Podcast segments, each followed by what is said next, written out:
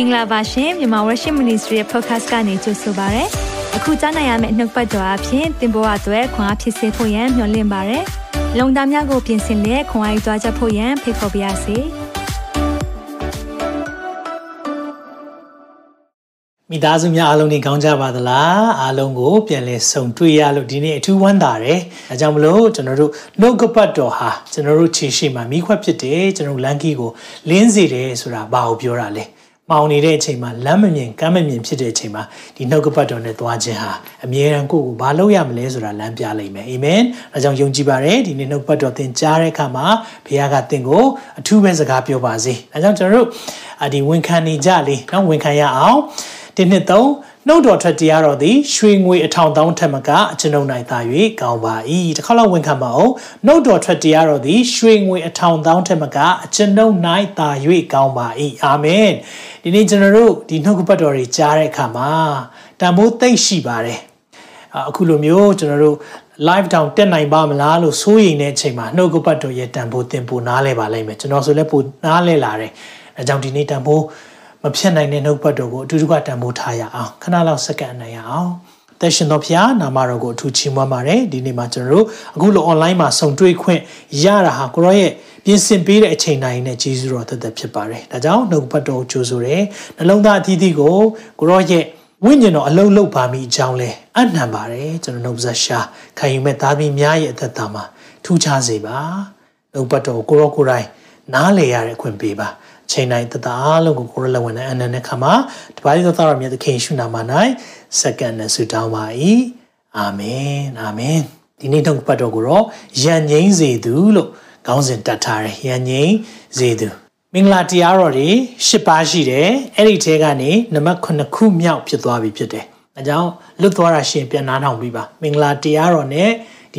2022ကိုကျွန်တော်ဘုရားကကျွန်တော်နှုတ်ပတ်တော်ဖွင့်ပြတာဖြစ်တယ် ဒီຢာတွေကျွန်တော်အရင်တော့ဖတ်သွားတယ်ဒါပေမဲ့လေးလေးနက်နက်နဲ့နားလည်ဖို့ရန်အတွက်အထူးလိုအပ်တယ်ဒါတွေကိုကျင့်သုံးဖို့ရန်အတွက်ယုံကြည်သူဘဝမှာတသက်လုံးသွားမယ်ရဖြစ်တယ်နော်ဖတ်လိုက်ပြီးတော့အာနားလဲသွားပြီးနားထောင်လိုက်ပြီးတော့အော်သဘောပေါက်သွားပြီအဲ့လိုမဟုတ်ဘဲねနေ့တိုင်းကျင့်သုံးနိုင်ဖို့ရန်အတွက်ဒီမင်္ဂလာတရားတော်ဆိုတာနေ့တိုင်းလက်ဆွဲဖို့ဖြစ်တယ်အာမင်အဲဒါကြောင့်ကျွန်တော်တို့ယဉ်ငိမ့်စေသူယဉ်ငိမ့်စေသူဒါကိုကျွန်တော်တို့မာသဲခရစ်ဝင်ကျမ်းခန်းကြီး9အငယ်9မှာတွေ့ရတယ်တူတူကဖတ်ရအောင် သူတစ်ပါးချင်းခိုက်ရန်ပြုခြင်းကိုငြိမ်းစေတတ်သောသူတို့သည် မင်္ဂလာရှိကြ၏အကြောင်းမူကားထိုသူတို့သည်ဖျားသခင်၏သားတော်ဟုခေါ်ဝေါ်ခြင်းကိုခံရကြလက်တံခိုက်ရန်ပြုခြင်းကိုငြိမ်းစေတဲ့သူရန်ငြိမ်းစေတဲ့သူအဲဆိုရန်ငြိမ်းခြင်းဆိုတဲ့အရာကနော်ဟိုဂုံးတိုက်တဲ့သူရှိရင်ရန်ဖြစ်တတ်တယ်တစ်ချိန်တည်းမှာပဲရန်ငြိမ်းစေတဲ့သူရှိရင်လည်းရန်ငြိမ်းသွားတတ်တယ်ဆိုတော့ဒါကိုကျွန်တော်လေ့လာသွားမယ်ဆိုတော့အင်္ဂလိပ် စကပုံလေးပေါ့နော်အဲ့ဒါလေးကျွန်တော်နားလေစေချင်တယ်ဆိုတော့ရန်ငိမ့်စီသူနဲ့အသင့်သင့်နေတဲ့သူ peace maker နဲ့ peace keeper ဆိုတာနှစ်ခုရှိတယ်ဆိုတော့ peace maker ရန်ငိမ့်စီတဲ့သူနော်နှစ်ဖက်ရန်ဖြစ်နေတဲ့အခါမှာဂျားမှာဝင်ပြီးတော့ရန်ငိမ့်စီတဲ့သူရှိတယ်ဒါပေမဲ့အသင့်သင့်နေတဲ့သူကြတော့ပြဿနာမဖြစ်အောင်ရန်မဖြစ်အောင်နေတဲ့သူရှိတယ် ဒီနှစ်ခုပါကွာလေဒါကိုလည်းကျွန်တော်တို့နားလည်ဖို့ရန်အတွက်အရင်ဆုံးရှင်းပြခြင်းဒါလေးနားလည်မှကျွန်တော်တို့ကဘုရားကဘယ်တယောက်ဖြစ်စေချင်တာလဲဆိုတာကိုကျွန်တော်သဘောပေါက်မှာဖြစ်တယ်ဆိုတော့အအင်္ဂလိပ်စကားပုံလေးပေါ့နော်ပြောနေကြအရာလေးပေါ့ပြောတတ်တဲ့အရာလေးမကြာခဏကြားတဲ့အရာလေးရှိတယ် sweep something under the rug ဆိုတော့ကော်စောအောက်ကိုအမဲအမိုက်လဲတယ်ဆိုတော့ဘာကိုပြောတာလဲဆိုတော့ဆိုတော့ကော်စောအိမ်မှာအမိုက်ပွားနေပြီဆိုပါစို့နော် မြန်မာပြည်ဆိုတော့ကော်စောသုံးတာချက်ဖြာသုံးပါလိမ့်မယ်နော်ဆိုတော့ဖြာအောက်ကိုအမိုက်လဲထဲတာအတိပ္ပယ်ကပါလဲဆိုတော့အိမ်ကညစ်ပတ်နေတယ်ပြီးရင်အမိုက်တရိုက်တွေနဲ့ရှုပ်ပွားနေတယ်ဒါပေမဲ့အဲ့ဒါကိုအမိုက်ကျုံးပြီးတော့အပြစ်မှာပြည့်ရမယ်အစားကျွန်တော်တို့ကရုတ်တရက်နော်အလွယ်တကူပဲရှင်းပလိုက်ခြင်းတဲ့အခါမှာကော်စောအောက်ဖြာအောက်ကိုတခါတည်းအမိုက်ကိုသိမ့်ကျုံလိုက်တယ်အဲ့လိုဖြစ်သွားတော့ဘာဖြစ်လဲဆိုဒီကာတွန်းလေးရရည်ရတယ် we are going to need a bigger rug ဆိုနော် ဟိုကော်စောကြီးကြီးလိုလိုက်မယ်တဲ့ဘာလို့ဆိုတော့အောက်မှာထည့်တာအရန်များနေပြီလေနော်ဆိုတော့ကော်စောအောက်မှာကျွန်တော်လှဲလှဲထည့်လိုက်တာအရန်များနေတယ်ဆိုတော့ဘာအဓိပ္ပာယ်လဲလို့ပြောတဲ့အခါမှာကျွန်တော်တို့တစ်ခါလေးမှာမိသားစုထဲမှာဖြစ်ဖြစ်မောင်နှမထဲမှာဖြစ်ဖြစ်လူမှုအတိုင်းဝိုင်းမှာဖြစ်ဖြစ်အသင်းတော်မှာပဲဖြစ်ဖြစ်ကျွန်တော်တို့ပြဿနာဆိုတဲ့အခက်အခဲတွေကြုံတတ်တယ်အဲ့ဒီပြဿနာကြုံလာတဲ့အရာကိုကင်တွယ်ဖြေရှင်းဖို့လိုတယ် တခါလေးမှကျွန်တော်တို့အဲ့ဒါကိုမကင်တွယ်ဘဲနဲ့ခဏလေးမတိကြိုးကြံပေါ့နော်ခောက်ထားလိုက်တယ်ဘာလို့လဲဆိုတော့ဒီအရာကိုကင်တွယ်လိုက်ရင်နော်စကားများလာတော့မယ်ဒီအရာကိုပြောလိုက်တယ်ဆိုရင်တခုခုပြဿနာကြီးကြီးတက်တော့မယ်ဆိုတာစိုးရိမ်တဲ့အခါမှာကျွန်တော်တို့ကအသင့်အသင့်နေခြင်းတော့မလုပ်လို့ရှိလဲဆိုတော့အဲ့လိုပဲဖြာအောင်မှာအမိုက်လေးကိုကြုံလာတယ်ဒါပေမဲ့ပြဿနာပျောက်သွားလား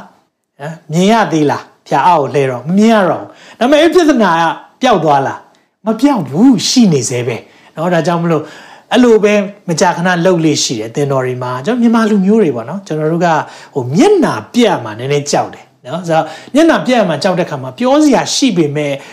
မပြောရအမေတခင်ကဘာပြောလဲဆိုတာရန်ငိမ့်စီတဲ့သူဟာမင်္ဂလာရှိတယ်အတင်းတင်းနေတဲ့သူမင်္ဂလာရှိတယ်လို့မပြောဘူး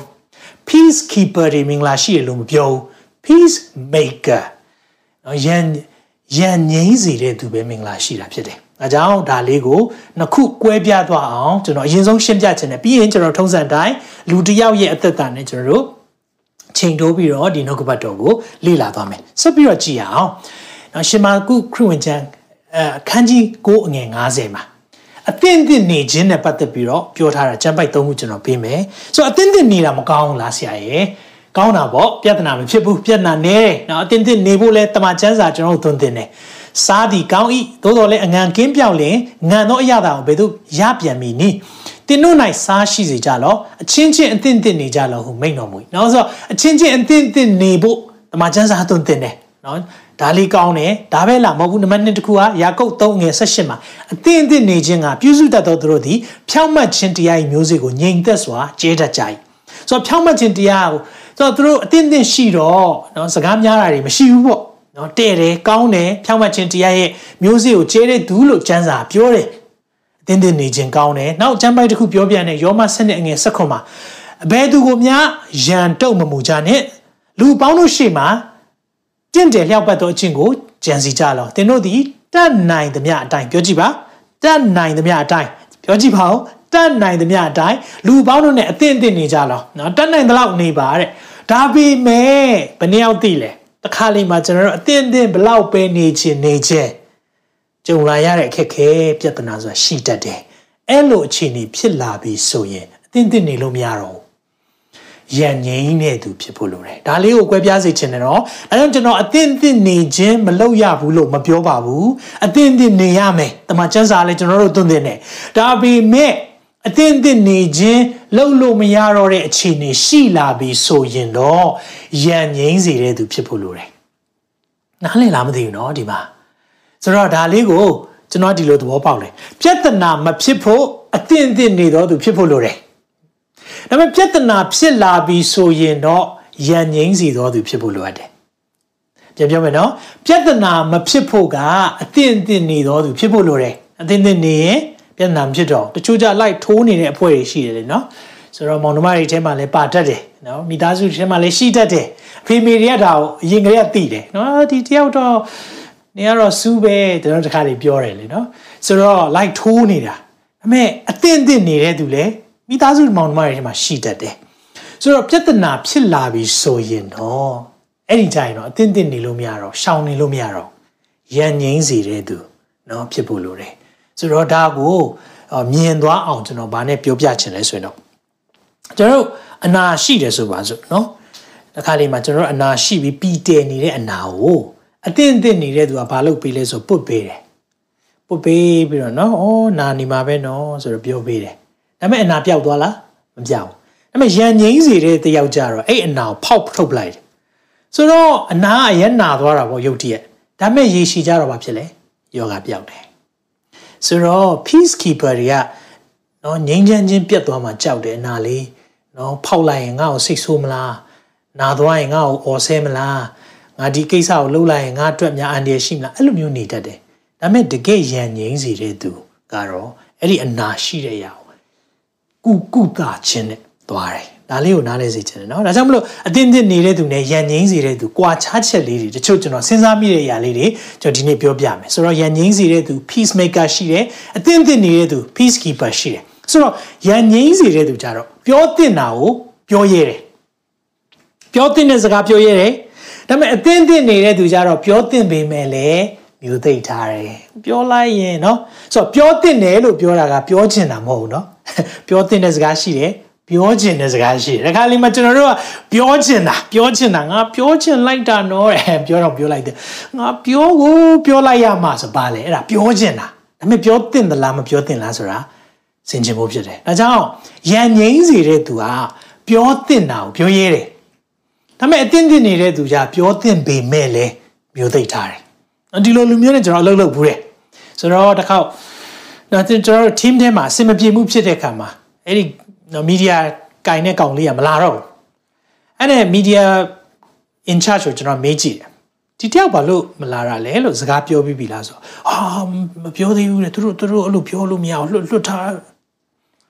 ပြောတဲ့တဲ့စကားမပြောတဲ့အခါမှာပိုဆိုးသွားတယ်ပြဿနာเนาะဒါမျိုးလေးတွေကျွန်တော်တို့ကကြုံဘူးတယ်ဆိုတော့ရန်ငိမ့်စီတဲ့သူကအမှုခင်းကိုကင်တွေဖြည့်ရှင်းရလေးရှိတယ် ကင်တွေဖြည့်ရှင်းတယ်ခုနပြီးညှစ်လိုက်တယ်လို့ပဲဒါပေမဲ့အတင်းတင်းနေကြတဲ့သူကြကိုယ့်အမှုပတ်မှာကြောက်တယ်ငါပြောလိုက်မပြောနဲ့မပြောနဲ့နော်နေနေနေနေတာဝန်ပေးနေမယ်ဆိုတော့ဆိုတော့အစည်းအဝေးမှာလည်းသူကထိုင်နေတယ်နော်အတင်းတင်းနေတဲ့သူကဆိုတော့ဒီကိစ္စကိုအာဘယ်လိုလုပ်ရင်ကောင်းမလဲဘသူ့တာဝန်ပေးရင်ကောင်းမလဲဆိုရင်သူကလက်မမြောက်ချင်ဘူးအာတာဝန်ပေးနေအောင်မယ်အမှုပတ်မှာကြောက်တယ်ဒါမဲ့ရန်ငိမ့်စီတဲ့သူကကျွန်တော်လုပ်ပါမယ်ဒီကိစ္စခက်ခဲတယ်ဒါမဲ့လုပ်မယ်တွေ့လား ကွာတယ်နော်ကွာတယ်ဒါကြောင့်သခင်ကရန်ငိမ့်စီတဲ့သူမင်္ဂလာရှိတယ်လို့ပြောတယ်။တင့်တင့်နေတဲ့သူမင်္ဂလာရှိတယ်လို့မပြောဘူး။တင့်တင့်နေကြပါလို့တော့သွန်သင်တယ်။ဒါလေးကိုလည်းကွဲပြားအောင်နားလည်ဖို့လိုတယ်။နောက်ရန်ငိမ့်စီတဲ့သူကကြုံလာမဲ့ဘေးကိုရင်ဆိုင်ရဲတယ်။လာမဲ့ဘေးပြေးတွေ့။ဒါပေမဲ့အသင့်တင့်နေတဲ့သူကြတော့ဘေးကြုံလာရင်ရှောင်တတ်တယ်။အဲ့ဒီဖွဲ့ကြီးကျွန်တော်တို့သတိထားဖို့လိုတယ်နော်။ဆိုတော့သူတို့ကပြဿနာတစ်ခုခုကြုံလာပြီးဟေ့ဆိုရင်တော့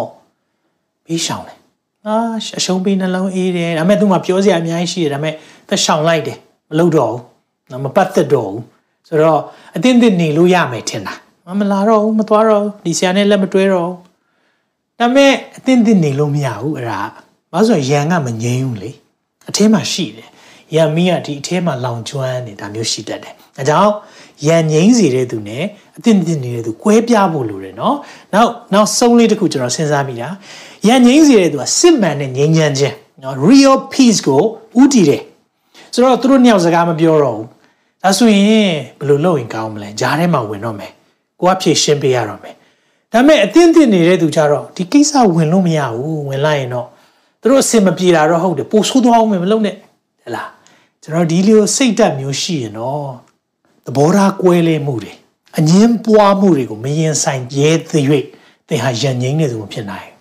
တကယ်ယဉ်ငိမ့်နေသူဟာဒီခါလေးမှာအငင်းပွားတဲ့အချိန်မှာအငင်းပွားရတယ်ပြောစရာရှိတာပြောရတယ်ကြုံစရာရှိလာတဲ့ဒုက္ခကိုရင်ဆိုင်ရရတယ်အဲ့ဒီအချိန်ကြမှာယဉ်ငိမ့်ခြင်းဖြစ်တာအဲကြောင့်ကျွန်တော်ဒီနေ့လူတယောက်အကြောင်းကိုကျွန်တော်လေ့လာသွားမယ်အဲ့သူကတော့ဘာနေဘနော်ဘာနဘ နော်ဘာနေဘလို့တော့ကျွန်တော်ရေးထားတယ်ဘာနဘနော်ဘာနဘတ်ဘာနိဘအကြောင်းကိုနှုတ်ပတ်တော်နဲ့ကျွန်တော်လေ့လာကြည့်အောင်သူဘသူလဲတမန်တော်၄ထဲမှာသူအကြောင်းပြောထားတယ်ငွေ36မှာယောသေအမည်ရှိသောဆိုသူ့နာမည်ကဘာနိဘမဟုတ်ဘူးယောသေတကယ်တော့သူ့ရဲ့နော်အဖေမေပေးတဲ့နာမည်ပြောပါစို့ဆိုတော့ယောသေဒါမဲ့ဘာလို့ဘာနိဘရသွားလဲဆိုဘာနိဘရဲ့အတိတ်ပဲဟာတက်တာချင်းဤသားတဲ့တက်တာချင်းဤသား son of encouragement တက်တာစီတယ်ဆိုတော့အားပေးတတ်တဲ့သူဆိုတော့သူ့ကိုတွေးတဲ့အခါမှာ तू ကလူတွေကိုအမြဲတမ်းအားပေးတတ်တယ်လူတွေကိုဖေးမာတယ်လူတွေကိုထောက်ပံ့တဲ့သူဖြစ်တဲ့ခါကျတော့တမန်တော်တွေကသူ့ကိုတက်တာချင်းသားလို့နာမည်ပေးလိုက်တယ်ဘာဟိုသူ့ရောသေးလို့မခေါ်တော့ဘူးနော်အားပေးတဲ့သူလို့ခေါ်ရအောင်တွေ့လားတက်တာချင်းသားလို့ခေါ်လာနာမည်ပြောင်းပေးလိုက်တာဆိုတော့ဘာနေဘဘသူလဲလို့ကြည်ရင်ဒီနေ့သူဟာတက်တာချင်းသားဖြစ်တယ်ပြီးရင်သူဟာ ကုပရုပြည်သားကုပရုဆိုတာ Cyprus ကုပရုနော် Cyprus ဒီနေ့ခေတ်မှာ Cyprus ဖြစ်တယ်လေဝိလူတဲ့ဆိုတော့အေဒီလာလူမျိုးဖြစ်တယ်လေဝိလူတယောက်ဒီမိမိပိုင်သောမြေကိုရောင်းပြီးတယ်ဆိုတော့မြေပိုင်တယ် Cyprus မှာမြေပိုင်ရင်ချမ်းသာတယ်ဆိုတော့သူကချမ်းသာတဲ့အပြင်ကိုရက်ရော်တယ်ရတဲ့ငွေအားလုံးယူပြီးတော့တမန်တော်ရဲ့ခြေရင်းမှာပုံအပ်တယ်ဆိုတော့ဘာနဘနော်ယောသေပေါ့သူ့နာမည်ကယောသေဒါပေမဲ့သူက နာမည်အစ်စ်လဲရတယ်တမန်တော်တွေကလည်းသူ့ကိုချစ်တယ်နာမည်တော့ချစ်စနိုးလေးနဲ့ပြောင်းပေးလိုက်တယ်လေဝိလူလည်းဖြစ်တယ်နော် Cyprus ရဲ့တတိလည်းဖြစ်တယ်ရက်ရောတယ်ဆိုတော့တမန်တော်တွေကြားထဲမှာ तू ကနာမည်ရတာပေါ့ဆိုတော့နော်ဒါဒီတမန်တော်၄ပြီးရင်တမန်တော်၅ကိုဖတ်ကြည့်ရင်တခြားလင်မယားနှစ်ယောက်ကလည်းအသင်းတော်ထဲမှာအာဒီမှာဘာနှပနော် influence ပေါ့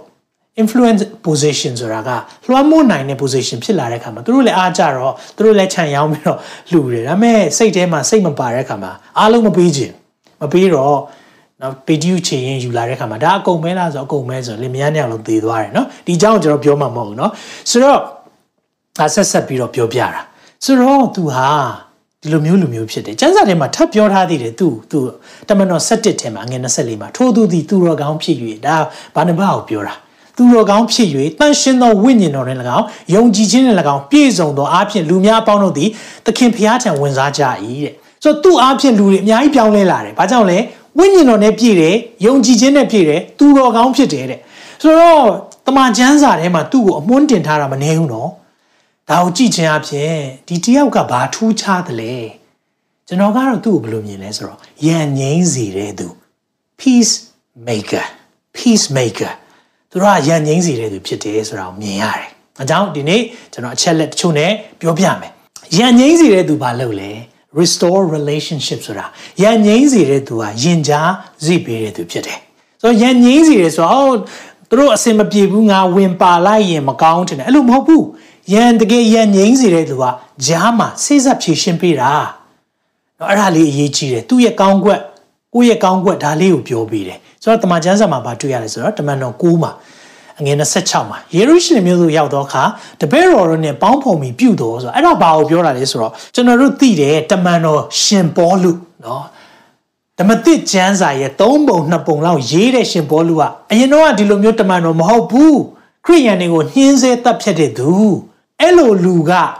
ယေရုရှလင်မြို့ရောက်လာပြီးတပည့်တော်တွေနဲ့ပေါင်းမယ်ဆိုတော့သူတို့ကြောက်တာဗောဒါကြောင့်သူဒီတပည့်တော်ဖြစ်ချောင်းကိုတပည့်တော်ဖောင်းလို့ဒီမယုံသဖြင့်သူ့ကိုကြောက်ရွံ့ကြ၏တဲ့ကြောက်တယ်ဟာဒီလူကြီးကလူသက်သမားပဲနော်ငါတို့အသင်းတော်ကိုညှင်းဆဲတဲ့သူရိုက်တဲ့သူဖမ်းဆီးတဲ့သူမဟုတ်ဘူးလားအဲ့ဒီမှာပြောပြီးထိုအခါဘာနိဘသည်သူ့ကိုခေါ်၍တမန်တော်များကိုပို့ဆောင်ပြီးနော်ခေါ်လာတာဘသူကခေါ်လာလဲဘာနဘဘာနဘတက်တာချင်းဤသားနော် son of encouragement တော့အထက်ကရှောလူသည်လန်ခီ၌သခင်ဖျားကိုမြင်သည်ဟု၍၎င်းသူအားမိန်တော်မူသည်ဟု၍၎င်းဓမ္မသက်မြို့၌ယေရှု၏နာမတော်အမိပြု၍ရဲရွံ့စွာဟောသည်ကို၎င်းပြောလေ၏တဲ့ကဲရှောလူမင်းတို့ဟုတ်တယ်အရင်တော့ဒီလူတော့ဟုတ်တယ်ဒါပေမဲ့ तू ပြောင်းလဲသွားပြီဖျားကိုလေဓမ္မသက်မြို့မှာတွေ့တယ်ဖျားရဲ့စကားလေး तू ကြားတယ်ဖျားကအလင်းထဲကသူ့ကိုစကားပြောတယ်ပြီးရင် तू ကိုယ်တိုင်ယေရှုနာမအမိပြုပြီးတရားဟောနေတာတွေ့ခဲ့တယ်အဲ့လိုပြောပြီးတာယဉ်ကြားစေပြီးတာ အဲ့လိုယဉ်ကြားစေပြီးရရန်ငိမ့်သွားတဲ့ခါမှာထို့နောက်မှာငွေ28ကြည်ပါရှောလူသည်ယေရုရှလင်မြို့၌တမန်တော်တို့နဲ့ပေါင်းဖော်ရတွေ့လားပေါင်းလို့ရသွားပြီအေးဟုတ်တယ်နော်ဒီတယောက်ကဆိုးတာပဲမတို့အချင်းကြီးစောင့်ကြည့်ရအောင်ဘလို့လူလည်းမသိဘူးကျွန်တော်ဆိုရင်လို့များပြောမိမလားမသိဘူးဒါမဲ့တကယ်ရန်ငိမ့်စီတဲ့သူကယဉ်ကြားစေပြီးတယ်တင်ဘလို့လူမျိုးလဲရန်ငိမ့်စီတဲ့သူလားရန်ငိမ့်စီတဲ့သူဆိုရင်တော့ဒီတယောက်ရဲ့မကောင်းကြောင်းပြောမယ်စား ကောင်းကြောင်းပဲပြောတယ်သူလည်းသိပါတယ်အစင်မပြေဘူးဆိုတာဒါပေမဲ့ရှောလူအဲ့တော့ပေါလုတောင်မဖြစ်သေးဘူးเนาะပေါလုရဲ့နာမည်ဟောင်းရှောလူရှောလူကဘုရားနဲ့တွေ့ပြီးပြီပြောင်းလဲသွားပြီသူယေရှုကြောင့်လည်းတသက်ခန္ဓာကျွန်တော်တွေ့ခဲ့တယ်အဆင်ပြေသွားတယ်ဒါကြောင့်ယဉ်ကြားစေပေးတယ်ဒီလိုပဲလားမဟုတ်ဘူးသူလှုပ်တဲ့အရာလေးတွေရှိတယ်ချိန်လုံးသူက son of encouragement ဆိုတာလူတွေကိုအားပေးတဲ့ခါမှာကဲရှောလူအတို့ mission ခီးသွားရအောင်ဧဝံဂေလိဟောရအောင်ဘာလုပ်လဲတမန်တော်7မှာငွေ25ဘာနဘဒီလေရှောလူကိုရှာလျက်တာရှုမြို့သို့သွားလိုက်တွေ့ရင်အန်တီအုံမြို့သို့ခေါ်ခဲ့၏တဲ့အအောင်ဖို့ကောင်းတယ်နော်အန်တီအုံမြို့အန်တာကီယာအဲအကြောင်းလေးပြောပြမယ်ထိုသူတို့သည်တစ်နှစ်ပတ်လုံးထိုအသင်းတော်နဲ့အတူစီးဝေး၍လူများအပေါင်းတို့ဟာဆုံးမဩဝါဒပေးတပည့်တော်တို့သည်လည်းခရစ်ယန်ဟူသောခေါ်ဝေါ်သမုတ်ခြင်းကိုအန်တီအုံမြို့၌အူးခံရကြ၏ အဲ့ဒီ Antioch မြို့ရဲ့ထူးခြားတဲ့ချက်ရှိတယ်အဲ့ဒီ Antioch မြို့ကအခုချိန်မှာတူရကီနိုင်ငံမှာ Antakya လို့ခေါ်တဲ့မြို့ဖြစ်တယ်အရင်ယေရုရှလင်မြို့မှာအကြီးမားဆုံးပေါ့နော် headquarter ဆိုတာသူယုံကြည်သူတွေဖြစ်လာတဲ့အများဆုံးနေရာယေရုရှလင်မြို့ဖြစ်ပြီးရင်နောက်မြို့တစ်ခုပါလဲဆိုရင်တော့ Antioch မြို့ဖြစ်တယ်အဲ့ဒီမှာခရစ်ယာန်ဆိုတဲ့အသုံးနှုန်းဆိုခရစ်တော်သေးသေးလေးတွေပေါ့ခရစ်တော်ကဲ့သို့နေတဲ့သူတွေ နော်ဒါလောင်ပြောင်ပြီးပေးတဲ့နာမည်တကယ်တော့အားကြည့်ပါအောင်သူတို့ကသူတို့အသက်ရှင်နေတဲ့ပုံကခရစ်တော်လိုလိုမျိုးအသက်ရှင်နေခရစ်တော်တည်တည်လေးတွေခရစ်တော်ပေါက်ဆလေးတွေအဲကြောင့်ကိုကိုခရစ်ယာန်လို့ပြောရင်နားလည်လိုက်ပါခရစ်တော်တည်တည်လေးတွေလို့ပြောတာဒါလေးကိုနာမည်ပေးတဲ့မြို့သူတို့အဲ့ဒီမှာ mission to လုပ်ပေးတယ်သွားခေါ်လာတယ်အားပေးတယ်အဲကြောင့်ယင်ကြားစိတ်ပြီးုံတာမကဖခင်ရဲ့နိုင်ငံတော်ထဲမှာလဲအင်မတန်မှထိရောက်တဲ့သူဖြစ်လာဖို့ဒီနေ့ ဘာနေပါအားဖြင့်ရှောလူရဲ့အသက်တာအများကြီးပြောင်းလဲလာတယ်တမန်တော်ကြီးရှင်ပေါလုတမန်တစ်ကျမ်းစာနော်သုံးပုံနှစ်ပုံနီးပါသူရေးခဲ့တာကျွန်တော်စဉ်းစားကြည့်တယ်ရန်ငိမ့်စီတဲ့သူသာအဲ့လိုယင်ကြားမစိပင်ကျွန်တော်အခုဖတ်စရာတော့သိရှိမှာမဟုတ်ဘူးအဲကြောင့်ကျွန်တော်ရဲ့အသက်တာရန်ငိမ့်စီတဲ့သူဖြစ်ဖို့ဘုရားကအလိုရှိတယ်ဟာလေလုယာရန်ငိမ့်စီတဲ့သူဟာဘုရားနိုင်ငံတော်အတွက်အင်မတန်မှအသုံးဝင်တယ်အာမင်အာမင် အဲကျွန်တော်တို့ son of encouragement daughters of encouragement အားပေးတဲ့သူဖြစ်ရအောင်လူတွေထဲကနေကောင်းတဲ့အရာမြင်ရအောင်အာမင်သင်ဘဝမှာဒီနေ့အဲ့လိုလူမျိုးလိုအပ်တယ်ကျွန်တော်ဘာနှပါဖြစ်ပါရစေသင်ရဲ့ဘဝမှာဘလို့ပဲခက်ခဲခဲ့ပါစေသင်ဖျားကိုမသိတဲ့အတိုင်းဝိုင်းကလာခဲ့ပါစေဒီနေ့ကျွန်တော်သင်အတွက်ဘာနှပါဖြစ်ချင်တယ်သင်ရဲ့ ရှိရေးတင်ဘလို့ပဲတာထွက်တာထွက်ခဲ့ပါစေတာထွက်မကောင်းတဲ့အခြေအနေဖြစ်ပါစေအဆုံးသတ်ကောင်းဖို့လိုတယ်ဟာလေလုယာပန်းနိုင်ဝင်တဲ့နေရာမှာကောင်းဖို့လိုတယ်အဲကြောင့်မိတ်ဆွေကိုဒီနေ့ခွန်အားပေးခြင်းတယ်သင်ရဲ့ဘဝမှာဖျားထားတဲ့အကြံစီတွေမြောက်များစွာရှိနေသေးတယ်သင်ရဲ့အမှားတွေအားလုံးအတွက်ပဲဒီနေ့ထိုင်ပြီးတော့တွေးဝေမနေနဲ့သင်လဲသွားခဲ့ရင်လည်းဒီနေ့ပြန်ထားပါသင်ယုံကြည်ခြင်းခီးလမ်းမှာခလုတ်တိုက်သွားပြီးတော့ ပြိုလဲနေတယ်ဆိုရင်လည်းပြန်ထူမပေးပါရစေ။တင်းရဲ့တသက်ဖျားလုံးမဲ့အရာအများကြီးရှိသေးတယ်။ဟာလေလုယာ။တင်းအတိုင်းဝိုင်းကလက်မခံဘူးလား။ဒါဆိုရင်ရတယ်ကျွန်တော်တို့လက်ခံတယ်။လာခဲ့ပါ။တင်းရဲ့အတင်းတော်ကတင်းကိုညှင်းပယ်လိုက်လား။လာခဲ့ပါ။ဖိတ်ခေါ်တယ်။ဘာကြောင့်လဲ။ဒီနေ့အဲ့လိုအားပေးတဲ့သူရှိတဲ့အခါမှာဖျားရဲ့ကြီးမားတဲ့အကြံစီတွေပြည့်စုံလာတယ်။အာမင်။ဒါကြောင့်မလို့ယဉ်ငိမ့်စေတဲ့သူဟာကြားဝင်ဆိတ်ဆက်ပေးတဲ့သူဖြစ်တယ်။ယဉ်ကြားစေပေးတဲ့သူဖြစ်တယ်။ restore relationship ပြတ်နေတဲ့ relationship တွေပြန်ပြီးတော့ဆက်သွယ်ပေးတဲ့သူဖြစ်တယ်။ Amen ။နောက်တစ်ချက်ကျွန်တော်ကြည့်အောင်။နံပါတ်1ချက် peacemaker focus more on the kingdom not politics ယဉ်ငိမ့်စေသူဟာနိုင်ငံရေးထက်နိုင်ငံတော်အရေးကိုဆောင်ရွက်သူဖြစ်တယ်ဒုတိယအချက်ကဘာလဲဆိုရင်တော့ရန်ငိမ့်စေသူဟာနိုင်ငံတော် နိုင်ငံရေးထက်နော် politics တွေထက်နိုင်ငံတော်အရေးကိုဆောင်ရွက်သူဖြစ်တယ်နိုင်ငံရေးထက်နိုင်ငံတော်အရေးကိုဆောင်ရွက်တယ်ဘာကိုပြောချင်တာလဲကျွန်တော်ရှင်းပြချင်တယ်ဒီနေ့ရှင်ပေါလုနဲ့ဘာနဘာတို့ကိစ္စတစ်ခုကြောင့်စကားများစရာဖြစ်လာတယ်ကိစ္စတစ်ခုကြောင့်သူတို့ဂျားထဲမှာအဖို့ဖြစ်သွားတဲ့အရာရှိတယ်အဲ့ဒါဘာလဲဆိုရင်တမန်တော်7နှစ်ထဲမှာပြောထားတယ်တမန်တော်7နှစ်အငယ်25မှာ ဘာနဘနဲ့ရှောလူတို့သည်လှုပ်ကြွေးခြင်းအမှုကိုဆောင်ရွက်ပြီးလဲမာကုအမိတစ်ကိုရတော်ယောဟန်ပြောကြည့်ပါမာကုအမိတစ်ကိုရတော်ယောဟန်ဆိုတော့မာကုဆိုတော့ကျွန်တော်သိလားရှင်မာကုခရစ်ဝင်ကျမ်းရေးတော်မာကုဖြစ်တယ်ဒါပေမဲ့သူ့နာမည်အရင်ကပါလဲယောဟန်နဲ့ John Mark John သူ့နာမည် John ယောဟန်ဆိုသူ့အမေကမာရိနောက်ဆိုမာရိတွေအများကြီးရှိရနော်ဆိုတော့မေရိုမာရိသခင်ယေရှုရဲ့အမေလည်းမာရိပဲ မာကုရဲ့အမေလည်းမာရိပဲမာဂဒလမာရိရှိတယ်ဘေသနိမာရိရှိတယ်အခြားသောမာရိနော်မာရိတွေအဲ့ဒီတော့ခေတ်စားတဲ့နာမည်ထဲမှာမာရိပါတယ်အဲ့မာရိကနော်မာကုရဲ့အမေမာရိကဒီတပည့်တော်တွေထဲမှာနောက်လိုက်တဲ့ခရစ်တော်နောက်လိုက်တဲ့တပည့်တော် disciple တွေထဲမှာပါတယ်ဆိုတော့သူကအိမ်မှာလည်းအမြဲတမ်းဖျားရှိခိုးတာပေါ့နော်ဆိုတော့ယုံကြည်ခြင်းကိုငယ်ကလေးကသူကတည်နေတယ်အဲကြောင့်လေသူက ရှင်ပေါလုနဲ့ဘာနေဘာတို့ခီးထွက်တဲ့အချိန်မှာ mission trip ပေါ့နော်အင်္ဂလိပ်ခီးစဉ်မှာသူလိုက်တယ်တဲ့ assistant သွားလုပ်ပေးတာပေါ့နော်သူ့ကိုမာကူလို့ခေါ်တယ်ဆိုတော့အဲ့ဒီမှာဆက်ကြည့်တဲ့အခါမှာအဲ့ဒီမှာတမန်တော်73မှာလည်းဒီအကြောင်းကိုပြောထားတယ်အငယ်9မှာရှာလမိမြို့၌ရှိနေစဉ်ယူဒတရားစီရင်များတွင်ဖျားသခင်ဤနှုတ်ကပတ်တရားတော်ကိုဟောပြောကြ၏ယောဟန်သည်လည်းထိုသူတို့ဤလက်ထောက်ဖြစ်သည်တဲ့ယောဟန်အဲ့ဒီအချိန်မှာလက်ထောက်လုပ်ပေးတယ်တဲ့ အငယ်ဆက်73ပါနော်အဲ့ဒါလေးထူးခြားတဲ့အချက်လေးကျွန်တော်ပြောပြချင်တယ်အဲ့ဒီအရာလေးကဘာလဲဆိုတော့ပေါလုနဲ့ပါသောသူတို့သည်နော်ကျွန်တော်ကြော်ပြီးတော့ဖတ်လိုက်မယ်နော်ပေါလုနဲ့ပါသောသူတို့သည်ပါဖုမြို့၌လွှင့်၍ပန်ဖုလိပီပေရဂေမြို့သို့ရောက်ကြလင်ယောဟန်သည်သူတို့ထံမှထွက်၍ယေရုရှလင်မြို့သို့ပြန်လေ၏တဲ့ဆိုတော့ mission key ထွက်နေရင်တန်လန်နဲ့ယောဟန်ကယေရုရှလင်ပြန်သွားတယ်တဲ့ဆိုတော့ရုတ်တရက်ကြီးတော့လက်ထောက်လုပ်ပေးတာ assistant လုပ်ပေးတာ ဒါပေမဲ့ဘာဖြစ်လဲတော့မသိဘူးခက်ခဲလို့လည်းဖြစ်နိုင်တယ်နောက် mission key တွေကကြမ်းတမ်းတာလည်းဖြစ်နိုင်တယ်ဒီလိုခက်ခဲကြုံတဲ့အခါမှာသူကပြန်သွားရောအဲ့ဒီပြန်တဲ့ကိစ္စဖြစ်လာရောဆိုတော့ဒီကိစ္စနဲ့ပတ်သက်ပြီးတော့ဘာနဘနဲ့ရှောလူနော်ဆိုတော့တမန်တော်ရှင်ဘောလူကြားထဲမှာစကားများစရာလေးတွေဖြစ်လာတယ်ကျွန်တော်တခါလေးနားလဲရအောင်နော်ဟိုတခါလေးကျွန်တော်တို့ကပြောတတ်တယ်ပါလဲဆိုတော့ဟေးတန်ရှင်သောဝိညာဉ်တော်နဲ့ပြည့်တယ်ယုံကြည်ခြင်းနဲ့ပြည့်တဲ့လူတွေဘာလို့စကားတွေများတာလဲ များတတ်ပါတယ်လူဖြစ်တဲ့ခါမှာမပြည့်စုံဘူးဆိုတာနားလည်ဖို့လိုတယ်ဒါလေးကြတော့ဟေးမင်းတို့ကဝိညာဉ်တော်နဲ့တွားတဲ့ gain တွေဆိုဘာလို့ဒီလောက်တောင်မှယံဖြစ်တာလဲနော်ဆိုတော့လူပဲဖြစ်တယ်ဆိုတာနားလည်ဖို့လိုတယ်ဖះမှမဖြစ်သေးတာမပြည့်စုံဘူးအဲကြောင့်သူတို့ကြားထဲမှာလည်းဒီရဲ့အဖုထစ်လေးတွေဖြစ်သွားတဲ့အရာလေးကိုတမန်ကျမ်းစာတွေကမှတ်တမ်းတင်ထားတယ်အဲ့လိုမှတ်တမ်းတင်တော့နော်မစ်ရှင်ခီးမှာယုတ်တရဲ့ယောဟန်ဆိုရယ်မာကုနော်အဲ့ဒီယောဟန်ဆိုတာမာကုကပြန်သွားတယ် ပြန်သွားတော့ဘာဖြစ်လဲအဲ့ဒါမှာဘာနိဘာနဲ့ပေါ်လူတို့လမ်းခွဲရတဲ့အခြေအနေတိတောင်ဖြစ်သွားတယ်တမန်တော်15မှာအငယ်36အင်တန်ကာလကြာသောအခါပေါ်လူက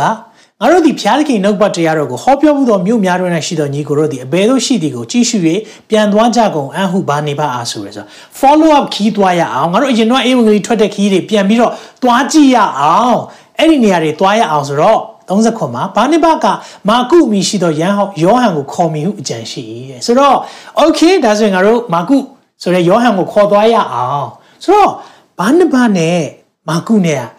ဝန်းကွမ်းညီကိုတော်တယ် cousin ဆိုတော့ blood is thicker than water နော်သူရရည်ထက်ဖြစ်တယ်တဲ့ဆိုတော့ကဲဒါဆိုရင်လေအရမာကုကိုခေါ်ရအောင်လို့ပြောတော့ဘောလူဖြစ်ပြန်ပြောလိုက်တယ်38မှာပန်ဖုလိဘီ၌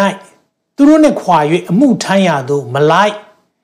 မသွားသောထိုသူကိုမခေါ်သင့်ဟုသဘောရှိတယ်မခေါ်ဘူးအရင်တစ်ခါတော့ငါတို့ကိုထားခဲ့တယ်လေငါတို့ထားခဲ့တဲ့တရားဘာလို့ခေါ်မှာလဲထပ်ထားခဲ့ခံရအောင်မယ်ဆိုတော့နော်ပေါ်လူစဉ်းစားတာလည်းမမှားပါဘူးဒါပေမဲ့ဘာနေပါကြတော့မဟုတ်ဘူးအားပေးတော်သူလေ son of encouragement တော့ဒါကြောင့်မလို့နိုင်ငံရေးတဲ့နိုင်ငံတော်အရေးကိုကြည်တာ ဒါပေမဲ့ပေါ်လူနဲ့ဘာနေပါတို့စကားတွေများကြရောနော်တန်ရှင်သောဝိညာဉ်တော်နဲ့ပြည့်ပါတယ်ယုံကြည်ခြင်းနဲ့ပြည့်ပါတယ်ဒါပေမဲ့အဲ့လိုအချိန်မှာစကားများတဲ့အရာလေးတစ်ခုကိုပဲဒီဒီရဲ့အကွက်လေးပေါ့နော်အခုပြောခဲ့တဲ့အရာလေးကိုကြည့်ပြီးတော့ဆုံးဖြတ်လို့မရဘူး။ဘာကြောင့်လဲစိလားအဲ့ဒီမှာဖြစ်သွားတဲ့အရာလေးကိုကျွန်တော်ကျမ်းစာထဲမှာပြမယ်39မှာထိုအကြောင်းနှင့်အချင်းချင်းမသိသဖြင့်တခြားစီသွား၍ဗာနိမဒီမာကုကိုခေါ်ပြီးလေကုပရုဘီတို့ Cyprus ကိုသွားလိုက်တယ်ဗာနိဘမာကုကိုခေါ်ပြီးတော့အဲ့ဒီမှာပေါလုကတီလာကိုခေါ်ပြီးတော့ရှူရီပီကိလဂီပီကိုရှောက်သွားတယ်ဆိုတော့လမ်းခွဲလိုက်ပြီဒီနေ့ကွဲပြားမှုရှိတိုင်းအကျိုးရုပ်သွားတာမဟုတ်ဘူး politics အရာနိုင်ငံရေးအရာဆိုရင်တော့အော်ကွဲတာမကောင်းဘူးပေါ့စီလုံးတာကောင်းတယ်ပေါ့ဒါပေမဲ့နိုင်ငံတော်အရေးမှကြတော့တကယ်တော့ mission team ကနှစ်ခုဖြစ်သွားတာပေါ်လူနဲ့ဘာနေမှမတူညီတဲ့အချက်ရှိတယ်ဒီလား သူတို့အချင်းချင်းအဆင်မပြေပေမဲ့ဖခင်ရဲ့အမှုတော်အတွက်တော့ဘယ်တော့မှလက်မလျှော့ဘူးဟာလေလုယာကိုယ့်ရဲ့အမြင်မတူပေမဲ့နိုင်ငံတော်အမြင်နဲ့ kingdom mindset kingdom perspective နဲ့တွားတယ်ဆိုရင်လေဖះအလုတ်ကတော့လှုပ်ဆောင်နေသေးပဲ။အော်ဒီတယောက်နဲ့မပေါင်းနိုင်လို့မလုပ်တော့ဘူး။ငါဖះကိုလည်းမကိုးကွယ်။ဒါဆိုရင်သင်ဘလို့ဘလို့လူလဲ။ဒီနေ့ရန်ငိမ့်စီတဲ့သူကတော့ကိစ္စမရှိဘူးဒီမှာစကားများရပြီ။အခက်ခဲကြုံလာပြီ။အဖြစ်ပြက်ကြုံလာပြီနော်။ဒါပေမဲ့ तू သိတယ်။မာကု အခွင့်အရေးပေးဖို့လိုတယ်။ဒီမာကုအရင်တစ်ခေါက်တော့ငါတို့ကိုထားခဲ့တာမှန်တယ်။ဒါပေမဲ့ तू လဲ learning လုပ်နေတာပဲ။သင်ကြားနေတဲ့သူပဲ။နော်ပေါလု तू ပြောစရာရှိမှာပေါ့ပေါလုရဲ့မင်းတို့ကလည်းနော်လူတက်ပြီးတော့တော်တော်များများကကြောက်နေကြတာဒါပေမဲ့ तू လဲကူညီပြီးတော့ကဲငါမင်းကိုတမန်တော်တွေနဲ့တွေ့ဆုံခွင့်ပေးခဲ့တာပဲမဟုတ်ဘူးလားပြောစရာတွေအများကြီးရှိမှာပဲမာကုရောဒီလိုတစ်ခုလေးဖြစ်တာနဲ့မခေါ်သင့်တော့ဘူးလားရတယ် Cyprus ကိုသွားလိုက်တယ် အဲ့မှာပေါ်လူနဲ့သီလာတော့တခြားဖွဲ့ကိုသွားလိုက်တယ်အဲ့ဒါတမန်တော်15မှာဖြစ်တာဒါကြောင့်တမန်တော်16မှာနော်ဒီထောင်မှုပြောင်းလဲတဲ့ကိစ္စပေါ်လူနဲ့တီလာအချင်းခံရတယ်ဆိုတာကျွန်တော်မကြာခဏဟောရနှုတ်ပတ်တော်ဖြစ်တယ်နှစ်ဖွဲ့ဒါပေမဲ့ mission team ကပိုအားကြီးသွားတာနိုင်ငံရေးထက်နိုင်ငံတော်ရေးကိုကြည်ပါ hallelujah ရန်ငိမ့်စေတဲ့သူကတော့နိုင်ငံရေးထက်နော် politically correct ဆိုတာမပြောဘူးလေအခုဆို politically correct ဆိုတာရှိတယ်တချို့စကားတွေကို လူရှိမှတိတ်မပြောပါဆိုတချို့ထိခိုက်သွားမှာဆိုလို့နော်ဆိုပြီးဘာသာရေးသမားတွေကိုထိခိုက်သွားမှာဆိုလို့မပြောဘူးဒါပေမဲ့ကျွန်တော်ပြောမယ်သခင်ယေရှုကိုယ်တိုင်လည်းပြောခဲ့တာတွေအများကြီးရှိတယ်ဘာသာရေးသမားတွေကိုဗာပြောလဲတွေ့တာ ਨੇ အဖြူတုတ်အုပ်ရိုးတဲ့တင်းချိုင်းကုန်းအဲ့လိုပြောတာနော်တင်းချိုင်းအုပ်ကူအထက်ကပုတ်ပွားအပြင်ကတော့လှပချက်ချင်းပြောလိုက်တယ်ဖြူတုတ်အုပ်ရိုး politically correct မလုပ်ဘူးပြောစရာရှိရင်ပြောတယ်မွေဆိုးမျိုး vipers အစိတ်ပြင်းတဲ့ကောင်လေဟိုဟာတကယ်ကိုနော်ဖျားတရားနဲ့သွားနေတဲ့သူတွေတမချမ်းစာအမြဲတမ်းဖတ်အစာတစ်ပတ်နှစ်ခါရှောင်းမပြောလိုက်လဲမွေဆိုးမျိုးတဲ့ဘာကြောင့်လဲအတွင်းနှလုံးသားမပါဘဲနဲ့ဘာသာရေးဆန်ဆန်လုပ်တဲ့သူတွေကိုရန်ငိမ့်စီတဲ့သူကပြောရဲတယ်ပြောကိုပြောရဲတယ် ဆိုတော့ဒီကိစ္စမှာပေါ်လူရေကိစ္စမရှိဘူးငါတို့ပေါင်းလို့မရရင်လဲသွားစရာရှိတာသွားမယ်ဒီနေ့ပြောတင်တာကိုပြောရဲတယ်ပြောတင်တာကိုပြောရဲတယ်တစ်ချိန်တည်းမှာပဲနိုင်ငံရေးထက်နိုင်ငံတော်အရေးကိုရှေ့ရှုတာအဲ့လိုဖြစ်တော့ဗာဆက်ဖြစ်လဲကျွန်တော်ကြည့်အောင်နံပါတ်3ရန်ငိမ့်စေသူဟာလူတွေထဲကနေကောင်းသောအရာကိုမြင်တယ် နော်ရန်ငိမ့်စေသူဟာ you see the good in people ဒါသိအရေးကြီးတယ်ကျွန်တော်မြန်မာပြည်သူပြည်သားတွေသူလူတွေအထဲကနေကောင်းတဲ့အရာမြင်ပေးဖို့သိခတ်တယ်ဘာကြောင့်လဲဆိုတော့စစ်အာဏာရှင်လက်အောက်မှာနေခဲ့တာဖြစ်တဲ့အခါမှာလေအများအားဖိနှိပ်ပြီးဘယ်တော့မှားမလဲဆိုပြီးတော့ခဏခဏခဏခဏဆုံးမခြင်းပေါ့နော်အပြောခံရတဲ့အခါမှာလေကိုကအဲ့လိုဖြစ်လာတာနော်ဆိုတော့ညင်းဆဲခံရတဲ့သူကသူများကိုညင်းဆဲတတ်တယ်အနိုင်ကျင့်ခံရတဲ့သူကပြန်အနိုင်ကျင့်တတ်တယ်တဲ့ ဆိုတော့အဲ့လိုမျိုးဖြစ်လာတာခဏခဏဝေဖန်ခံရတဲ့ခါမှာသူများဝေဖန်ဖို့ဒီတယောက်ဘာကောင်းလဲမပြောဘူးဘာလိုသွားလဲဘင်းသားလေးမြင်းနဲ့ comment တွေချို့ရေးလာတတ်တယ်ဆိုသူလည်းဘာသိတာလဲမဟုတ်တကယ်တော့အမဲလူမျိုးကြီးလှုပ်တတ်တယ်ဘာကြောင့်လဲကျွန်တော်တို့ကောင်းတဲ့အရာမမြင်နိုင်ဘူးအဲ့ဒီတစ်ခုလိုသွားတဲ့အရာဒါဆို၆ပြစ်ကင်းတဲ့ lesson ရှိတဲ့လူပြပါပြည့်စုံတဲ့အမှုတော်ဆောင်ပြပါမရှိဘူးမရှိဘူးဟောဒါကြောင့် ရန်ငိမ့်စီတဲ့သူကလူတွေထဲကနေကောင်းတဲ့အရာလေးကိုမြင်တယ်မာကုထဲကနေမြင်လိုက်တယ်မာကုထဲကနေမြင်လိုက်တဲ့အရာလေးဒီနေ့ဘာဘာဖြစ်သွားလဲဆိုတော့ဒီမာကုထဲကနေသူကောင်းတဲ့အရာလေးတစ်ခုရှိတယ်ဆိုတာကိုဘာနှဘာမြင်နေမြင်တော့သူ့ကိုတွဲခေါ်တယ် discipleship လုပ်တယ်တပည့်တော်ဖြစ်ဖို့သင်ကြားပေးတယ်ယုံကြည်ခြင်းခီးလန့်အတူလျှောက်တယ်အားပေးတယ်အဲ့လိုဖြစ်လာတဲ့ခါမှာ မဿဲမာကုလူကာယောဟန်ဒီလေးခုကိုခရစ်ဝင်ကျမ်းလို့ခေါ်တယ်အဲ့ခရစ်ဝင်ကျမ်းလေးခုထဲမှာမာကုရေးတဲ့ခရစ်ဝင်ကျမ်းဟာခရစ်ဝင်ကျမ်း၄ခုထဲမှာအစောဆုံးဖြစ်တယ်အစောဆုံးပဲစဉ်းစားကြည့်အကယ်၍သာဘာနဘကမာကုကို တွဲမခေါ်သွားဘူးဆိုခဲ့ရင်အားပေးမှုမလုပ်ခဲ့ဘူးဆိုခဲ့ရင် ရန်ငိမ့်ခြင်းအမှုကိုမပြုတ်ခဲ့ဘူးဆိုရင်တင်နဲ့ကျွန်တော်ဒီနေ့မှာမာကုခရစ်ဝင်ကျမ်းဖတ်ချင်မှဖတ်ရလိမ့်မယ်ရှင်ပေတျုရဲ့အမှုတော်မြတ်အတွက်အထောက်အမဖြစ်စေတဲ့လက်ထောက်တစ်ယောက်လည်းမွေးထုတ်ပေးတာဖြစ်တယ်အဲကြောင့်မာကုခရစ်ဝင်ကျမ်းမှာရှင်ပေတျုရဲ့ပြောကြားချက်တွေအများကြီးရေးသားထားတာရှိတယ်။ तू ကတမန်တော်12ပါးထဲမှာမပါဘူး။ तू ကလူငယ်လေးပဲ။ तू မိခင်မပဲဒီတပည့်တော်တွေယေရှုနောက်လိုက်တဲ့အဖွဲ့တွေဒါပေမဲ့အဲ့လိုလူငယ်လေးတယောက်ဒီလိုမျိုးဖြစ်လာဖို့ ရန်ငိမ့်စေတဲ့သူဟာလူတွေထဲကနေဗာမြင်လဲ။ကောင်းတဲ့အရာမြင်တယ်။ကောင်းတဲ့အရာမြင်တယ်ပြုစုပြောထောင်တယ်။အဲ့လိုဖြစ်လာတော့ပေါ်လူနဲ့တောင်လမ်းခွဲပလိုက်တယ်ဒါပေမဲ့ကိစ္စမရှိဘူးနောက်ဆုံးသူတို့ဘာဖြစ်လဲဇလန်းကြီးကြီးကိုပြန်ကြည့်တဲ့အခါမှာတိမောသေဩဝါဒစာဒုတိယဆောင်ခန်းကြီးလေးအငယ်ကိုမှမှာပြောတယ်ငါထံသို့မြင်များလာခြင်းကစူးစမ်းကြလောရှင်ပေါလုကအကူကြီးတောင်းနေတာ ကျောင်းမူကဒေမသည်ယခုဘဝကိုနှစ်သက်သောစိတ်ရှိတဲ့ငါ့ကိုစွန့်ပစ်၍တက်တလောင်းနေမြို့သို့သွားပြီဒေမလည်းငါ့ကိုထားခဲ့ပြီကရကီသည်ဂလာတိပြည်သို့၎င်းတိတုသည်ဒလမာတိပြည်သို့၎င်းသွားပြီလူကတယောက်ထဲသာငါထံမှာရှိ၏ အဲ့မှာပြောတဲ့စကားလေး highlight လုပ်ထားပေးတယ်မာကုကိုတင်တဲ့အတူခေါ်ခဲ့လောသူသည်ဆရာအမှုကိုပြုရတွင်ငါအကျိုးရှိ၏ဟာလေလုယာဒီနေ့ပေါလုပြန်ဝင်ခံရပြီနောက်ဆုံးမှာဒီနေ့ तू ကတော့မခေါ်ခြင်းဘူးအဲထားခဲ့လိုက်တော့အရင်တစ်ခေါက်တော့မလိုက်တဲ့တရားဒါမဲ့နောက်ဆုံးမှာသူ့ရဲ့ ministry နောက်ဆုံးပိုင်းလေးရောက်လာတဲ့အခါမှာမာကုခေါ်ခဲ့ပါမာကုကဆရာအမှုပြုတဲ့အခါမှာငါတို့အကျိုးရှိတယ် ဟာလေလုယာ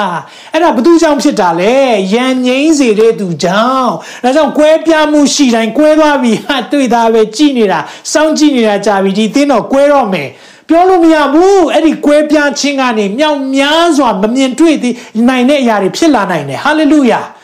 အာမင်ဒါကြောင့်မလို့ကျွန်တော်တို့အခြေအနေတရက်လေးဒီအဖြစ်ပြက်တစ်ခုနဲ့ဆုံးဖြတ်ချက်မချပါနဲ့ဒီနေ့တစ်နှစ်လေးတော့မာကုရဲ့ mission cream ခရီးကနေယေရုရှလင်မြို့ပြန်သွားတဲ့အရာကြည်ပြီးသူ့ဘဝတစ်ခုလုံးကိုကျွန်တော်တို့ကျင်ပလိုက်ဖို့မဟုတ်ဘူးဒီလိုရန်ငိမ့်တဲ့သူပြုစုပြိုးထောင်တဲ့အခါမှာဘာဖြစ်လာလဲမာကုခရစ်ဝင်ကျမ်းလည်းဖြစ်လာတယ်ရှင်ပေါလုကိုယ်တိုင်ကလက်ခံရတာမာကုကိုခေါ်လာပြီးပါအကျိုးရှိတယ်ဟာလေလုယာဟာလေလုယာမိတ်ဆွေမြင်လားမသိဘူးဒါမဲ့လို့ပြောလို့ဘာနဲ့ဘာပြည့်နော်ပြည့်စုံတဲ့သူတော့မဟုတ်ဘူး သူလဲလူပဲလေရန်ငိမ့်စေတဲ့သူသူ့အကြောင်းနဲ့ပတ်သက်ပြီးစံစာထဲမှာတစ်ခု negative တွေ့တယ်အဲ့ဒါလေးကိုလည်းကျွန်တော်ပြောပြချင်တယ်ဘာဖြစ်လဲဆိုဂလာတိနှစ်ထဲမှာပေဂျီယူနဲ့ပတ်သက်ပြီးတော့ဘောလူကအပြစ်တင်တဲ့စကားပြောတယ်ဆိုတော့အဲ့ဒီမှာဘာဖြစ်လဲဆိုတော့အန်တီယုတ်မြို့မှာတပည့်တော်တွေအားလုံးရှိကြတယ်နော်တပားမျိုးသားတွေဂျူးမဟုတ်တဲ့သူတွေအရေးပြားမလီးတဲ့သူတွေလည်းပြောင်းလဲလာတယ်အဲ့ဒီမှာပေဂျီယူကအစတော့ကတော့သူတို့နဲ့စားတောက်တယ်နောက်ပိုင်းကျတော့ဂျူးတွေရောက်လာတဲ့အခါမှာကျတော့ तू က ခွဲခြားပြီးနေလာတယ်အဲ့လိုဖြစ်ဖြစ်ရောက်တဲ့အခါမှာပေဂျူးကဘာပြောလဲဆိုတော့ငယ်73မှာဂလာတိ2 73ကျွင်းသောယူရလူတို့သည်ပေဂျူးနဲ့တူလှုပ်ဝက်ရွေးတဲ့ဆိုတော့ယူရလူဆိုဂျူးတွေပေါ့ဆိုပေဂျူးကဂျူးတွေလာတဲ့ခါမှာဒီတပားမျိုးသားတွေနဲ့စားတောက်တာတွေမလုပ်တော့ဘဲနဲ့သူတို့ဝိုင်းနေသူတို့နေတာအဲ့လိုဖြစ်လာတဲ့ခါမှာလှုပ်ဝက်ချသူတို့လှုပ်ဝက်ချအဖြစ်ဘာနေပါသည်လဲသူတို့နိုင်ပါသွားတယ်ဘာနေပါလဲသူတို့နိုင်ပါသွားတယ်ဒီနေ့ရန်ငိမ့်စီတဲ့သူကအသင်းသင်းနေဖို့သွားလှုပ်လိုက်တာနော် အဲ့ဒါလေးကိုလည်းတွေးလိုက်ရတယ်ဒီမှာအသင်းသင်းနေတဲ့ပုံစံနဲ့အဲ့မှာ तू ကပြောရမှာပေတီကိုပေတီကိုလှုပ်လှုပ်တာတော့မဟုတ်ဘူးထင်တယ်ငါတို့တွေဒီနေ့တပားမျိုးသားတွေလည်းခရစ်တော်နဲ့ညီကိုပဲမဟုတ်ဘူးလားငါတို့ကတော့ရွေးချယ်ခံရတဲ့ chosen ဖြစ်ပေမဲ့သူတို့လည်းဖခင်ကကယ်မတာမဟုတ်ဘူးလားသူတို့လည်းရွေးထားတာမဟုတ်ဘူးလားအဲကြောင့်အတူတူကပေါင်းပြီးတော့နေသူလို့ပြောရမယ်စားပေကျူးနာကိုနည်းနည်းပါသွားတယ်အဲ့ဒါလေးတွေးတဲ့အခါမှာခုန ရန်ငိမ့်စေတဲ့သူဒီရဲ့အမှုမှာကြတော့ရှင်ပေါလုဖြစ်နေတယ်ရှင်ပေါလုကပြောပြီးသူတို့ဒီမှန်သောအေဝံတရားနဲ့ညီဖြောင်းမတ်စွာကြင်ကြောင်းကိုငါသည်မြင်လင်ထို့သူပေါင်းတို့ရှေ့မှာပေတျုဟာငါဆိုသည်ကလူရှေ့မှာပြောပလိုက်တာနော်ပေတျုကိုရှင်ပေါလုကတင်းသည်ယူရသူဖြစ်လက်ပေယူရထုံးစံတိုင်းမကျင့်မဲတပါးမျိုးသားထုံးစံတိုင်းကျင့်လင်တပါးမျိုးသားတို့သည်ယူရထုံးစံတိုင်းကျင့်ခြင်းကအဘယ်သို့သူတို့ကိုအနိုင်ထက်ပြုသည်နည်းဘာလို့ခွဲခြားတာလဲဘာလို့လောက်တာလဲအဲ့လိုခွဲခြားခွဲခြားခွဲခြားရန်ငိမ့်စေတာ ရှင်းလင်းစေတာအသင့်သင့်နေမယ်ဆိုရင်တော့လွတ်ထားလိုက်မှာပဲဒီဒါလေးကိုနားလဲစေချင်တယ်ဒါကြောင့်ဒီချက်လေးနဲ့ကျွန်တော်နံပါတ်၄ချက်နောက်ဆုံးဒီလူကတော့မပြည့်စုံဘူးဒါပေမဲ့ယဉ်ငိမ့်စေတဲ့သူထဲမှာပြည့်စုံတဲ့သူရှိတယ်တခြားလူမဟုတ်ဘူး Jesus Christ is the perfect peacemaker သခင်ယေရှုဟာပြီးပြည့်စုံသောယဉ်ငိမ့်စေတဲ့သူဖြစ်တယ်မိတ်ဆွေနေဘာနေဘာအကြောင်းကျွန်တော်လေ့လာလာတယ်။ तू လှုပ်တဲ့အရာတွေအများကြီးကောင်းတယ်။ तू မှားတဲ့အရာလေးလည်းတစ်ချက်တွေ့လိုက်ရတယ်။ ဒါပေမဲ့သခင်ယေရှုကြတော့ယဉ်ငိမ့်ဖို့ရန်အတွက်လှုပ်ဆောင်တဲ့သူတွေထဲမှာပြီးပြည့်စုံတဲ့သူဖြစ်တယ်ဟာလေလုယာဒီနေ့ကျွန်တော်မိကုံကသင်ဖျားနဲ့သင်ကြားမှာယဉ်ငိမ့်ခြင်းရှိပြီလားပြီးပြည့်စုံတဲ့ဖျားတန့်ရှင်းတဲ့ဖျားနဲ့အပြစ်များတဲ့လူသားကြားထဲမှာဘလို့မှသင်မြတ်နိုင်မှာမဟုတ်ဘူးအသင့်အသင့်နေလို့မရဘူး ဒီကြားထဲမှာယဉ်ငိမ့်စေတဲ့မေဂျီရိတ်လုပ်ပေးတယ်ဆိုတာဂျားဝင်ဂျားခံအာမခံပေးတဲ့သူလို့တယ်တမန်ကျမ်းစာထဲမှာအဲ့ဒီသူတယောက်ရှိတယ်အဲ့ဒီသူကဘာလို့လဲဆိုတော့တတိနှစ်ငယ်လေးမှာငယ်ငါးမှာပြောထားတယ်ယေရှုခရစ်တည်ဟူသောအာမခံတူရှိတယ်ဖျားသခင်တဆူကြီးရှိတော်မူ၏ဖျားသခင်နဲ့လူတို့ဤစัจ जा မှာလူဖြစ်သောယေရှုခရစ်တည်ဟူသောအာမခံတူရှိတယ် အဲ့ဒီမှာလူလို့ဘာလို့သုံးလဲကျွန်တော်နားလဲစီချင်တယ်ဒါလူမလို့သုံးတာမဟုတ်ဘူးလူသားဆိုတဲ့အရာကိုပြတာတနည်းအားဖြင့်ဖယားတရားခိုင်တော့ဖယားရဲ့ဖြစ်ခြင်းရှိတယ်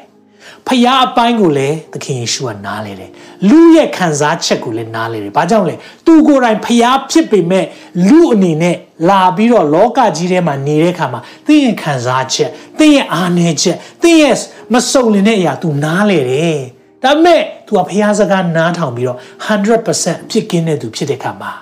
ဖယားနဲ့တင့်နဲ့ကြားထဲမှာ तू အာမခံပေးလို့ရတယ်ဒီနေ့သင် ကျွန်တော်ကြည့်တယ်အဲ့ဒီရန်ငိမ့်စေဖို့လှုပ်တဲ့အမှုတွေထဲမှာဘယ်တော့မှအဆင်မပြေတာတခုရှိတယ်တစ်ဖက်ကလေမလျှော့ခြင်းတဲ့ချိန်ငါမှန်နေဒီကိစ္စ तू ကငါ့ကိုတောင်းပန်မှာငါမှန်တယ်လို့လှုပ်လာတိုင်းမှာအဆင်မပြေဘူး ရန်ငိမ့်ခွင့်မရှိဘူးဒီနေ့ဘုရားကကျွန်တော်တို့ကိုဘယ်လောက်ထိချစ်လဲခုနကျမ်းစာရဲ့အပေါ်ပိုင်းမှာဆိုလူပေါင်းတော်ကကယ်တင်ခြင်းတို့ရောက်ရတမာတရားကိုသိစေခြင်းကဘုရားလိုတော့ရှိတယ်ဘုရားလိုချင်တဲ့အရာရှိတယ်အားလုံးကယ်တင်ခြင်းရောက်စေခြင်းတယ်ဒါပေမဲ့လူအနေနဲ့စူးစမ်းခြင်းနဲ့မရောက်နိုင်ဘူးဖះနဲ့ကျွန်တော်တို့ဆက်ကြမှာပေါင်းကူတရားတစ်ခုလိုလာပြီအဲ့ဒီတစ်ခုကတော့တခြားလိုမဟုတ်ဘူးသခင်ယေရှုဖြစ်တယ်အဲကြောင့်မလို့တင့်ကိုမေးကိုမေးခြင်းတယ် ဒီနေ့တင်ဖះနဲ့ယဉ်ငိမ့်ပြီလားယဉ်ငိမ့်ခြင်းအဲ့ဒါအစအရေးကြီးဆုံးပဲဖះနဲ့တင့်ကြားထဲမှာယဉ်ငိမ့်ခြင်းအရင်ရမှတင်ကိုယ်တိုင်လည်းယဉ်ငိမ့်သူဖြစ်လာမှာအဲကြောင့်တမန်ကျမ်းစာကသဘာခိုင်ရန်ပြုခြင်းကိုငြိမ်းစေတဲ့သူမင်္ဂလာရှိတယ်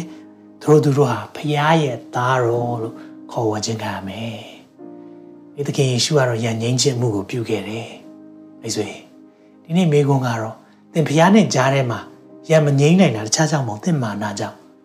သင်နေခြင်းတလို့နေတယ်သင်အသက်ရှင်ခြင်းတလို့ရှင်တယ်သင်လှုပ်ချင်တာလှုပ်တယ်ဖရားဆိုတဲ့အရာသင်ကိုကိုကိုမြင်တာကိုသဘောပဲအဲ့လိုမဟုတ်ဘူးအဲ့လိုခံယူနေတဲ့သင်နဲ့ဖရားကြားထဲမှာယဉ်ငိမ့်နိုင်မှာမဟုတ်ဘူး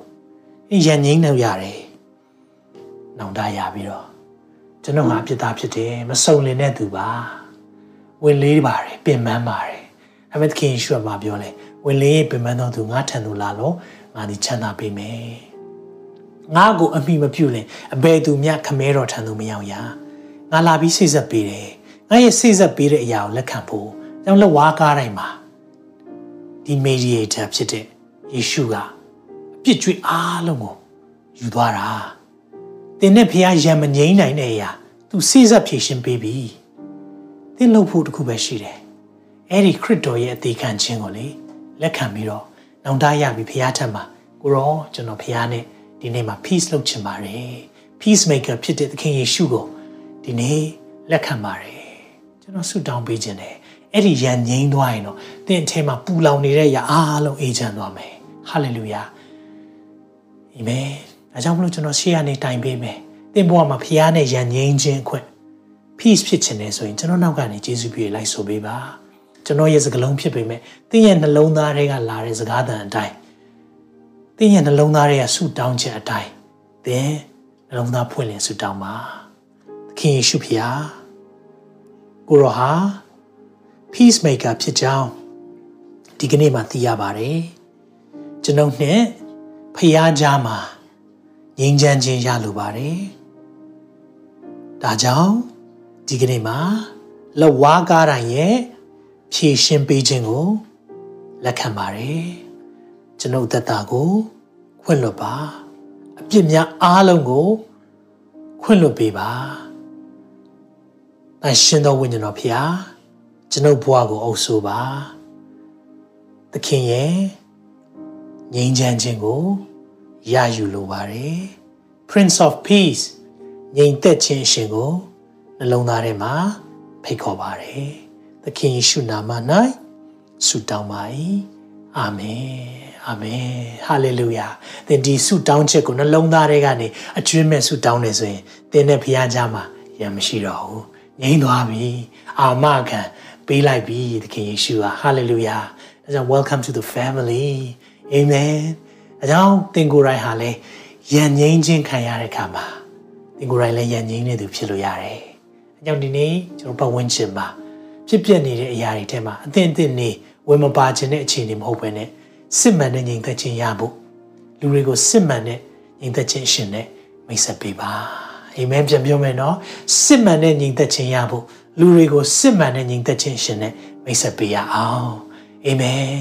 သူပြောလိုက်တယ်ဆိုရင်ငါ့ကိုမုန်းသွားမလားဘာသာရေးပြောတယ်လို့ဆွဆွဲခံမလားမဟုတ်ဘူးမိတ်ဆွေဒီနေ့သင်တကယ်ချစ်တယ်ဆိုရင်ပတ်ဝန်းကျင်ဖះကိုတကယ်ချစ်တယ်ဆိုရင်လူတွေကိုတကယ်ချစ်တယ်ဆိုရင် ဒီညီသက်ချင်းအရှင်နဲ့မိတ်ဆက်ပေးလိုက်ပါဒါကိုကျွန်တော်တို့လှုပ်ဆောင်နေတာဖြစ်တယ်ယေရှုတင်တယ်ဒီနေ့ဆက်လက်ပြီးတော့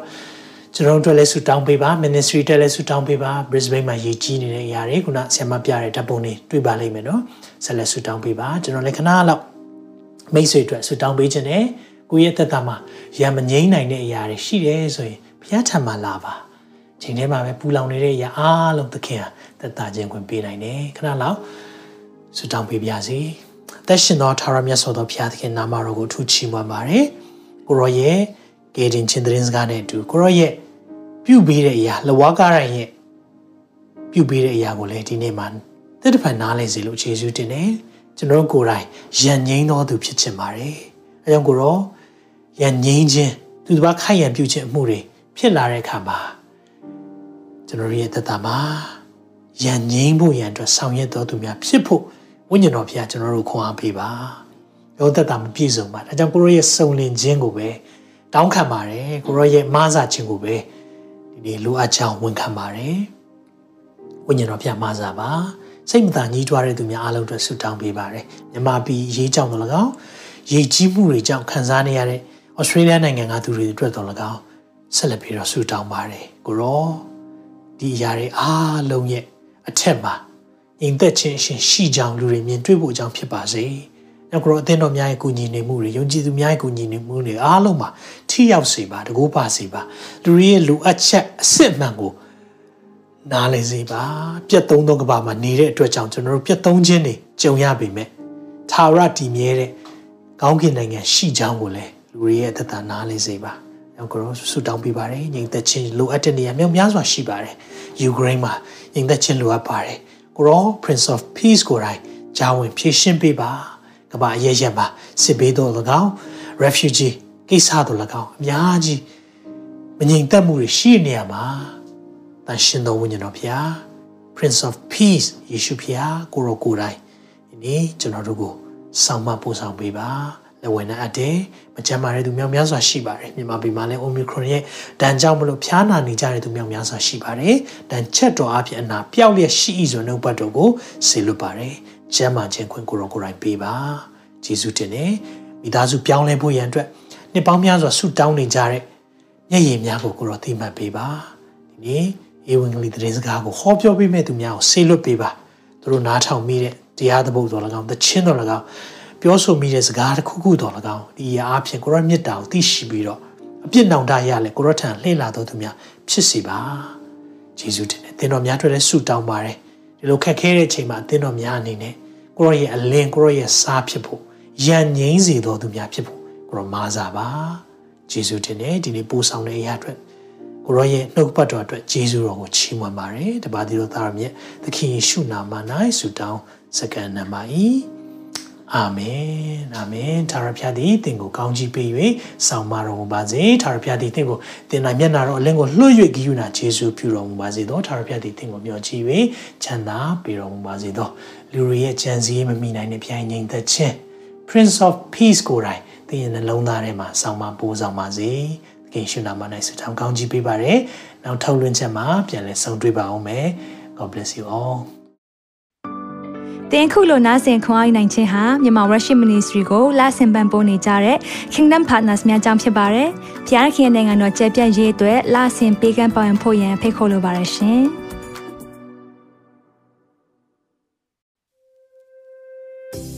။အခုကြားနာခဲ့ရတဲ့နှုတ်ပတ်တော်အဖြစ်ခွန်အားရရှိမဲ့လို့ယုံကြည်မျှော်လင့်ပါတယ်။ခွန်အားရဆိုလို့ရှိရင်ဒီတစ်ပတ်နဲ့ပြန်လည်ဝင်မြပေးဖို့ရန်တောင်းဆိုပါရစေ။ Myanmar Worship Ministry ရဲ့ website myanmarworship.com ကိုလည်းလာရောက်လေ့လာဖို့ရန်အတွက်ဖိတ်ခေါ်ချင်ပါတယ်။တစ်ချိန်တည်းမှာ Myanmar Worship Ministry ရဲ့ social media platform များဖြစ်တဲ့ Myanmar Worship YouTube Channel, Myanmar Worship Facebook Page နဲ့ Myanmar Worship Instagram များကိုလည်းလာရောက်လေ့လာဖို့ရန်အတွက်ဖိတ်ခေါ်ချင်ပါတယ်။နောက်တစ်ချိန်မှာပြန်လည်ဆုံတွေ့ကြပါစို့။ဖျားရှင်ကောင်းကြီးပေးပါစေ။